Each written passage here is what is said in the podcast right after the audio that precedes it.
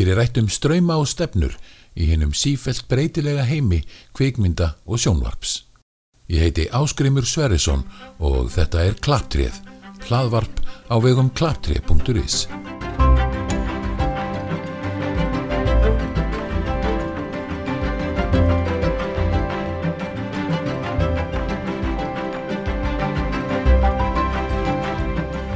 Í þessum fyrsta þætti stiklum við á stóru, ég og Ásker H. Ingólfsson, menningarbladamadur og kvikmyndagagrínandi um eitt og annað sem gerðist í kvikmyndum og sjónvarpi árið 2021. Spjallið fór fram á Zoom í vikunni milli jóla og nýjars. Kannski að byrja á að ræðum bíómyndirnar og þá er nú kannski fyrst uh, myndin Alma eftir Kristínu Jóhannesdóttur. Já, sem að maður alltaf búin að býða alltaf lengi eftir. Já, svolítið langt síðan hún hefur sendt frá sér síðast bíómynd, það var 1992. Alma var alltaf heillandi mynd og þú veist svona alveg gölluð vissulega sömuleiti en kannski bara stóri kostirinn við að hún er alltaf öðrum lendum heldur en allir aðeins íslenskri kvöndugirafan. Það er þessi ljóðræna og þessi hérna, já svona leiði sér að kannski fara allar leiði í ljóðræni. Er svona pínu bara veist, það er helst að minni stundum á Tennis Malik sko stundum, og svona leifir sér að vera pínar bókviti líka sko, það er einhvern veginn það er alltaf gaman að sjá það sko. Að vera ekkert feimin við einhvern veginn, vera ekkert að reyna að ásaka það. Hversu móttækilega eru við fyrir svona kvikmyndageð? Gert rosalega sínismanni sko, þú veist, það er hérna íslenskar kvikmyndir náttúrulega eru kannski í þessum þessari skrifnum stöð að vera alltaf skits og það kannski sérst best í ár að þú ert með dýri og þú ert með leinlökunum sem eru svona kannski tveir stóri hittarnir og en annar er svona hátíðarhittari og hinn er lokalmarkas hittari þó hann hafi vissulega komist að hátíð. Og það er svona pínu íslenska bílanslægi kannski í nótskur það er svona stundum pínu erfitt að finna sko kannski artímyndir sem að gengur í Íslandingi sjálfa. Þá, að það komulega fyrir vissulega. Já, og fekk náttúrulega þessa stórgólslegu dreifingu í, í bandaríkjunum, það er að segja mjög stóra dreifingu, starri dreifingu heldur en okkur íslensk kveikmyndi ef við nokkur tíma fengið. Akkurat. Uh, og vakti mikla aðtikli og hún er komin á stuttlistan yfir uh, á Óskarsvælanunum og þannig að þetta er náttúrulega ótrúlegur árangur, það er ekki að segja annað en að þetta, en hún hefur umverulega vakið aðtikli þarna vestra. Akkurat. Og pluss það náttúrulega hún fekk, fekk kannvelun og þess að það Nú eru margar myndir sem voru síndar á árinu sem eru í þessum low budget flokki.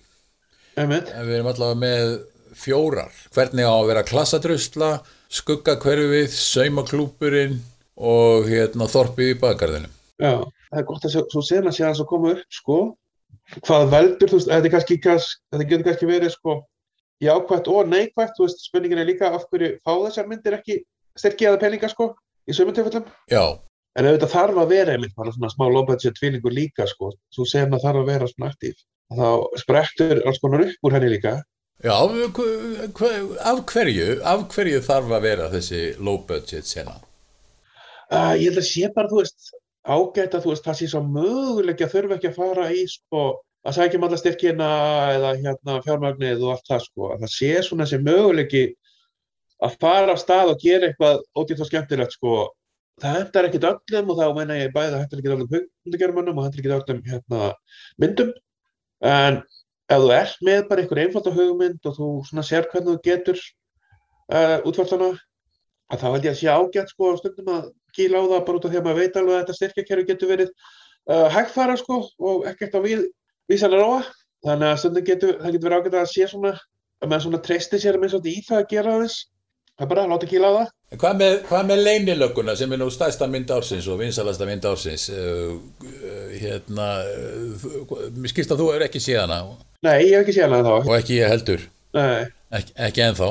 Hún er náttúrulega fenomen náttúrulega bæði aðsókn og líka kannski svona í í umfjöldunum vissuleiti er hún aðtilsverð svona bara alveg börsið frá því hvort hún sé góða eða vann sko sem ég náttúrulega bara veit ekki en þá kannski tveir, annars vegar náttúrulega hérna, það eru umdeldir menn þarna bak við hérna í aðluturgum eins og hérna náttúrulega fyrst og næst skilsanlegar og sem einhvern veginn sko sildrandi ræðverðin þangallega fremsinn, það var ekkert mikið verið að rífast um það fyrir en akkurat hún kom í bíó.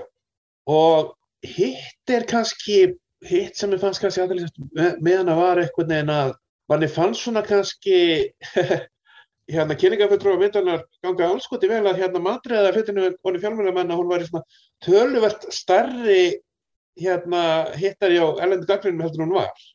Í fyrsta lagi kom ekki mjög marga gaggrinir á hana sko sem maður hefur séð og fáar svona frá sem starri meilum sko og það var með þess að áður en nokkur svona alvöru gaggrinni var komin var einhvern veginn komin að stórfréttir hérna heima sko um að hérna erlendi gaggrindir held ekki vatn og það var vittnað einhvern einn sko hérna ónefndan gaggrínanda sem er náttúrulega hérna svona eða bara komið sko.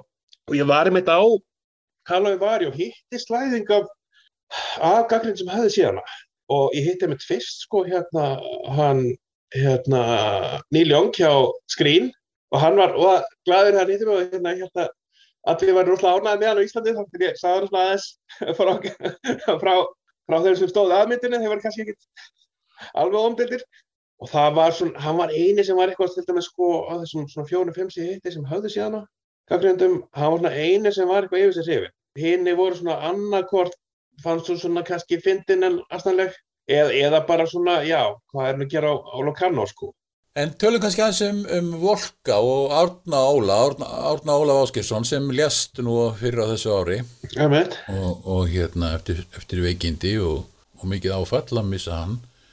En myndin hans Volka sem hann var búin að eiginlega ganga frá þegar hann lést, svona mestuleiti, uh, hún var síðan sínd í haust og hún er sem sagt, þetta er pólsk-íslensk kvikmynd, gerist, uh, gerist reynda mestuleiti hér á Íslandi en en byrjar í Pólandi uh, með, með hérna uh, mikill þáttöku bæði pólski leikarar er í, í forgrunni og þetta er saga um pólska samfélagið á, eða gerist í pólska samfélagin á Íslandi uh, það sem átni mentaður í Pólandi og allt það og náttúrulega átti sér sinn feril þar líka, hann var að gera alls konar verkefni þar, auðlýsingar og annað. Já, mér að volka bara óbúslega falleg og falleg mynd hérna frábæra aðleikunan og það var svona eitthvað hérna bara sort hjart í henni. Þannig að býna bara að sko að kannski svona þetta var kannski svona ákveðin hluti bara hjá að koma saman þú veist íslenski og bólski bakgrunnin þetta var svona pínu þetta var svona pínu myndi sem var hann akkurat myndi sem hann átt að gera sko. Og já bara í sjálfu sér sko klassistæfum þannig sé einfalda sögu sem bara næri eitthvað neginn flugi með því að setja nýjita sérstaklega samfélag og svona þessi hérna áreistur já, áreikstrar í rauninni, þú veist, bólskasafélagi sem er náttúrulega pínu svona bara jáðarsamfélag þarna. Verðist ekki verið mikill samgöngur við Íslandska samfélagið.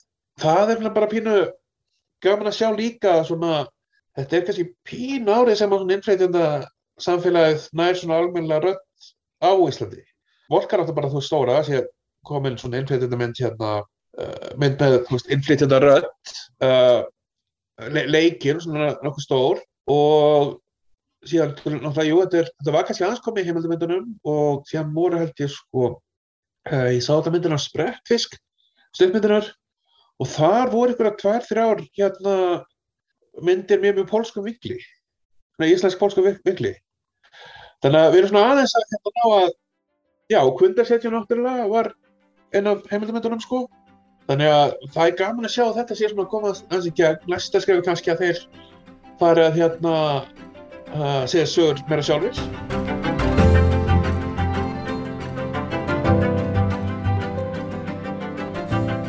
Uh, tölum aðeins við þáttaræðinar. Já.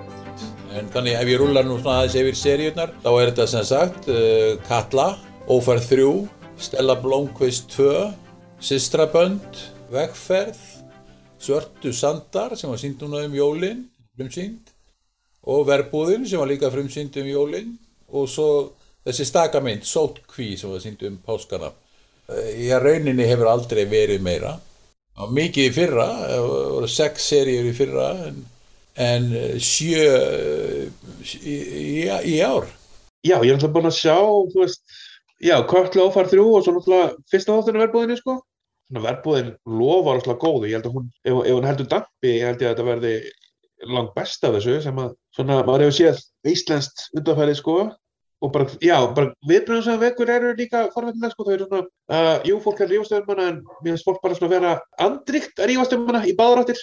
Já, og, og það er náttúrulega líka bara gaman að því, uh, sko, þó að sé mikil, mikil kæftur rifin og, og fólk er að tala mikið um, um þessum tengist ekkert verbúð, en fólk er að tala um fólk hefur skoðanir, fólk er, það, það er ástriða í gangi, það er, fólk er að tala um að sko að rifja upp alls konar hluti, hvernig það var sjálft þarna þessum tíma og hversu vel að þekki til, rifja upp sína minningar og svo framins og framins sem þýðir að áhörunda hópurinn, eða allavega mjög margir eru innvinglaðir og eru, eru að láta þetta skipta sér máli, skilur, og, og, og hérna, þetta reyfir við fólki. Amen. Þannig að það er kannski svona það áhugaverða í þessu að þegar íslensk sjónvarserja nærað einhvern, á einhvern nátt að fjalla um okkur sjálf Uh -huh. uh, hver við erum, hvaðan við komum og allt þetta uh -huh. að þá, þá svona að, að það, það er svona svolítið það sem manni finnst einhvern veginn vera svona svolítið dræfið á baku þetta allt saman. Mér var alltaf hugsað til sko hérna það fór bara svona þú veist ok, þetta er allt hérna uh, handrisöfundanir eru allir fættir svona 74 þannig að þeir hafa kannski verið 7, 8, 9, 10, 10 ára þannig sko og hérna og næstur Reykjavík.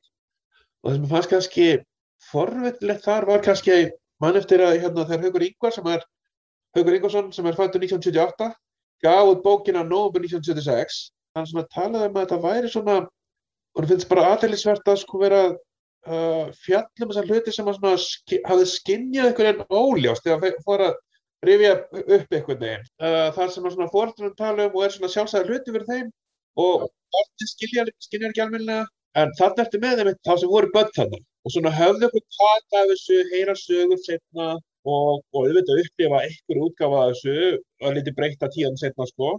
En, en, en það var allavega líf og fjörðna og kraftur og margt sem að það er náttúrulega kannast við og svona stemning og, og þess að það, já já, mikil ósköp. Já, bara líka foröldlegt uh, maður býst alveg við kannski einhverju pólitík en maður er samt ekki viss, þú veist, nún so far er kannski búin að vera mikið pólitík, þú veist, það er svona, jú það er bæðstjóriðan og allt það, en þú veist. En núna er kannski svona maður hefur pínu tilfinninguna að fyrstu þátturinn hafi verið að byggjað upp, byggjað upp sko.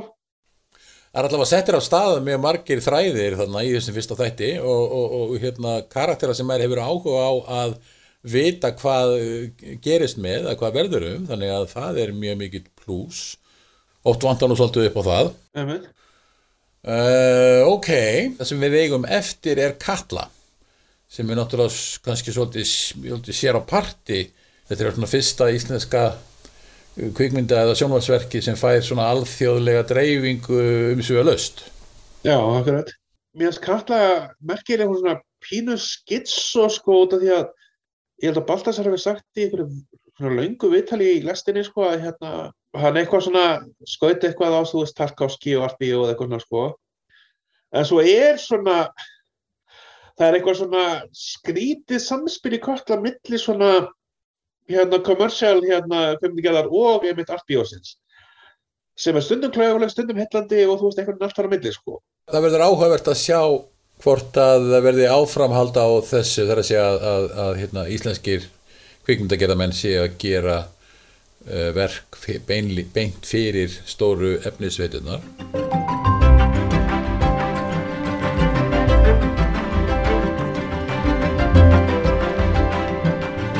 Tölum aðeins þá um heimildamindirnar. Já. Það er nú verið alveg slatti að myndum sem eru áhugaverðar. Um, uh, kannski við höfum sko svona eins og pólitíst þema í myndum eins og A Song Called Hate og líka í heimildamyndinu Korter yfir sjö sem fjallar um verkfallin eða verkfallið 1955. Við höfum uh, nýbúa eða einflytjendur í ekki einleikið og kundagshetjum þannig að það er svona það er svona ákveðin temu þar sem er, þessi temu er ábyrrandi hitt er bara svona eins og eðlilegt er hérðan og þaðan. Og mér hefur reyndar lengi fundist að það væri voðalega skemmtilegt sko ef sjónvarstöðvarna sérstaklega náttúrulega rúf sko smíðaði sér tiltekin ramma, það er að segja efnisramma sem, þeir ætlaði að leggja áherslu á tiltekin málefni, þú veist það getur verið með breyður rammi en að byggja síðan kvikmyndagerða menn að, að fylla út í þann ramma ákveðinu efnisramma sem myndi þá vera kannski einhvern ákveðin tíma og svo kemur nýr rammi sko. eitthvað slíkt eins og, eins og gert er víða annar staðar og það var nú eitthvað af sko svona projektum sem var bara í upphafi sem að sko hvað Þorstein Guðmunds og Þorgir Þorgers og hérna Pabbi Ara hann hérna? Magnús Jónsson Magnús, já, Já. Magnús Jónsson Já, að þeir svona fengu eitthvað svona verkefni en hérna kannski voru hérna ek- ekkert mjög leiði tamir og svona fóru kannski aðra áttur heldur en ætla svo til sko. Já, það er náttúrulega, við erum að tala um þetta, þetta er náttúrulega ansið langt síðan, þetta er, við erum að tala um sko, 70 eitthvað, eða 60 eitthvað. 7. og 8. ára tíðin. Já, hefur. Já, að það er náttúrulega ansið langt síðan og það var þetta náttúrulega mjög allt, íslensk kveikmyndagerð mjög óþroskuð og sjónvarp er rétt að byrja og svona, en til dæmis, sko, Þorstein Jónsson og Ólafur Haugur gerðu til dæmis fimm eh, heimildamindir á, á tveggja ára tímabili sem voru all- allar síndar í sjónvarpinu á sínu tíma og kannski svona þekktast af þeim er fiskur undir steini. Uh, en þarna voru þeir að skoða samfélagið í svona ýmsum myndum og, og, og, nálguðust það á svona, já þeir voru svona kannski áhersla var meira á hversdagslífi og hvers konar samfélag við- erum og, og þess áttar Hefur.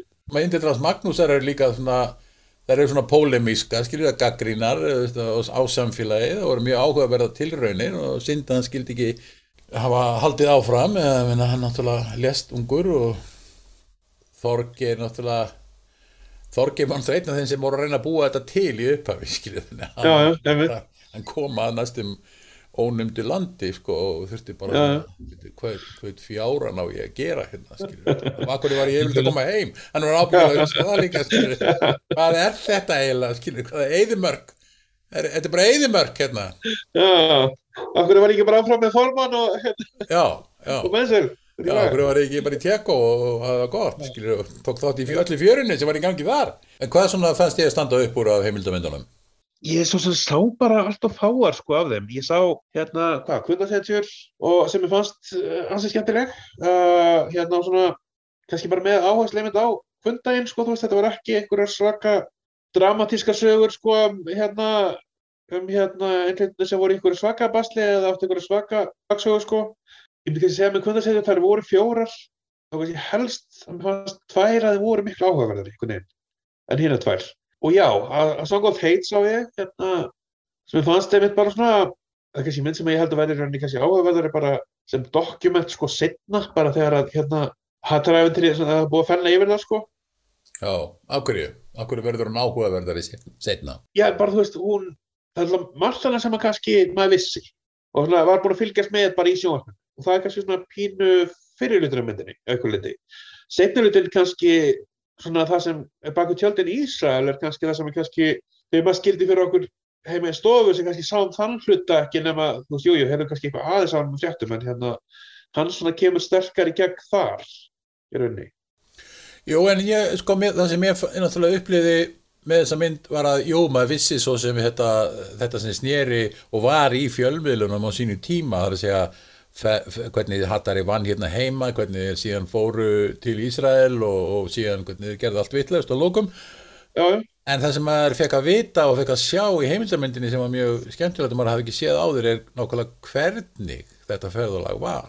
já, heimitt. Hversu mikið þetta var rauninni skipulagt, hversu mikið var treyst á, á sjens í rauninni, bara svona spila með, spila með svolítið, hvernig, sjá hvernig staðan er hverju sinni og síðan náttúrulega hápunkturinn í lokin eða þegar, þegar þeir hérna, taka þessi ákvörðunum um að hérna, veifa flagginu og hvernig svo allur sá prósess sko, er í rauninni svona bara uh, spennu þrungin Þa, þetta hafði maður ekkert endilega sko, gert sér grein fyrir sko, í, þegar maður horfði á þetta í sjónvarpinu maður hugsaði bara, og svolítið töffarar er þetta lið, skilur að vera að gera þetta og, og flott hjá þeim skilur, en, en, en maður fekk sko að vita um alla erfileikana og, og allt sko en þetta evan og, og sko, erum við að gera rétt ef er þetta algjört klúður eða, veist, og, allt þetta, það, sem var, það var mér áhugavert sko. Já, þetta smikla elementi, þetta smikla fánanum og allt það sko, hérna, mann fann fyrir spennun í salnum sko, betur heldur en, heldur en heima, þú veist, heima, þú veist, hérna,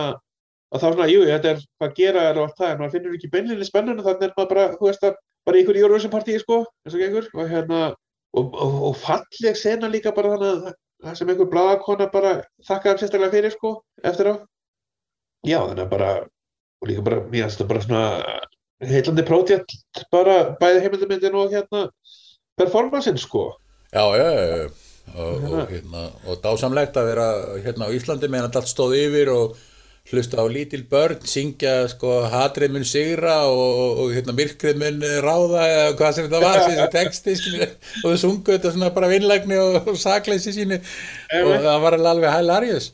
Og hérna en, en þetta var bara Eurovision-lag og þetta var skemmtilegt sko. Já, nákvæmlega. Já, annað í heimildamindum, það er náttúrulega helst hálfur álfur á Ísland Bíóland þar sem við erum báðir hérna Hlutræði já. þú varst eitthvað veriðinn hálfan álf Já, ég hérna sagt, uh, bæði var ég hérna bara ofanlega ráðgjafi og svo hérna sá ég mennskatekstan Ég myndi ég sá hana núna í sjónvarpinu og mjög skemmtileg og mjög mm -hmm. hlý, hlý og falleg og fyndin mynd En hvernig, bara einspenningum Bíólandi hérna verður hún eitthvað sínt elendis á einhvern hátt eða svona komið út?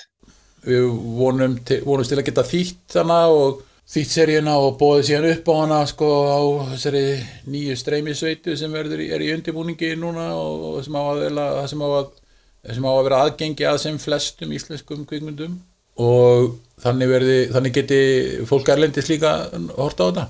Nefnit? Uh, þetta er náttúrulega verið að spanna ansi stóra sögu eða langa, langa sögu og getur verið alveg verið áhugavert fyrir ákveði mengi sem hefur áhuga á íslensku kvingundagerðum eða íslenskri menningu eða þess að talskilju uh -huh. sem er alveg förður stort bara skinnja maður úti bara þegar maður fyrir að koma til þetta sko. og bara já, förður margir sem eru frá þeir sko, sem eru búinir að sjá mikið og hérna Já, það er bara, það kemur ofta óvart sko, ég mann til og með ég fór á kvikundátti í Mannheim fyrir nokkrum árum.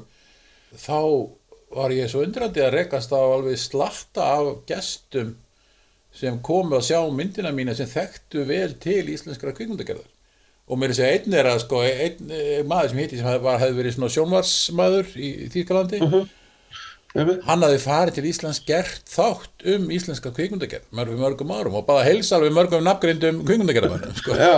og, hérna, og það var bara ok, frábært skilur, bara uh -huh. mjög gaman af því. Já, og, og maður finnur það alveg það sem við breyst, það sem við, íslensk kvikundagerð hefur farið frá því að vera svona ja, svona, hvað kalla maður það obskuritet, það sem er svona já, er þeir, er þeir að gera kvikundir, já, en skemmtilegt sniðut, eh, fjóruða hvert ár yfir í það að það eru margar fréttir á ári um íslenskar kvikmyndir uh, og mjög vel fylgst með þeim sem koma út og eru síndar á hotíðum og, og þess að það. Sem náttúrulega líka bara kemur til að því að íslenskar, það er bara komin meiri samfellan náttúrulega bara í íslenska kvikmyndir. Að það er svona ekki bara kannski fjöldin per se, heldur líka bara uh, það líður valla ára að sé ekki með svona eins sem svona nær máli elendis. Já, þannig, og, og, og stundum er það eins og það, sko, 2015 voru það þrjár, sko. Já, það, en það var búið að vera svona alda, sko, sem var að koma, maður sá hann að stækka, sko, frá cirka 2010, sko. Þannig að, að 2011 þegar eldfjall fyrir á kann, það er svona eiginlega vatnaskili, maður segja, þó að það sé erfitt að tala um vatnaskili í þessu, þetta er meira svona löng þróun, sko. En, en það var svona rákvæðin vatnaskil, má segja að vatnaskil að þýletið þarna fyrir myndin á stóra háttíð sem á kann, sem, sem, sem þetta hafi verið mjög fátítt áður, vissulega komið fyrir en var mjög fátítt. Og eftir það verður það miklu algengar að íslenska myndir verða á þessum stóruháttíð og svo fara það að taka vellaun og þannig að og þetta er það sem við breytt öllu og sett íslenska myndir miklu meira svona á korti hvert svo umfjöllun og, og öllu slíku. Já, ég veit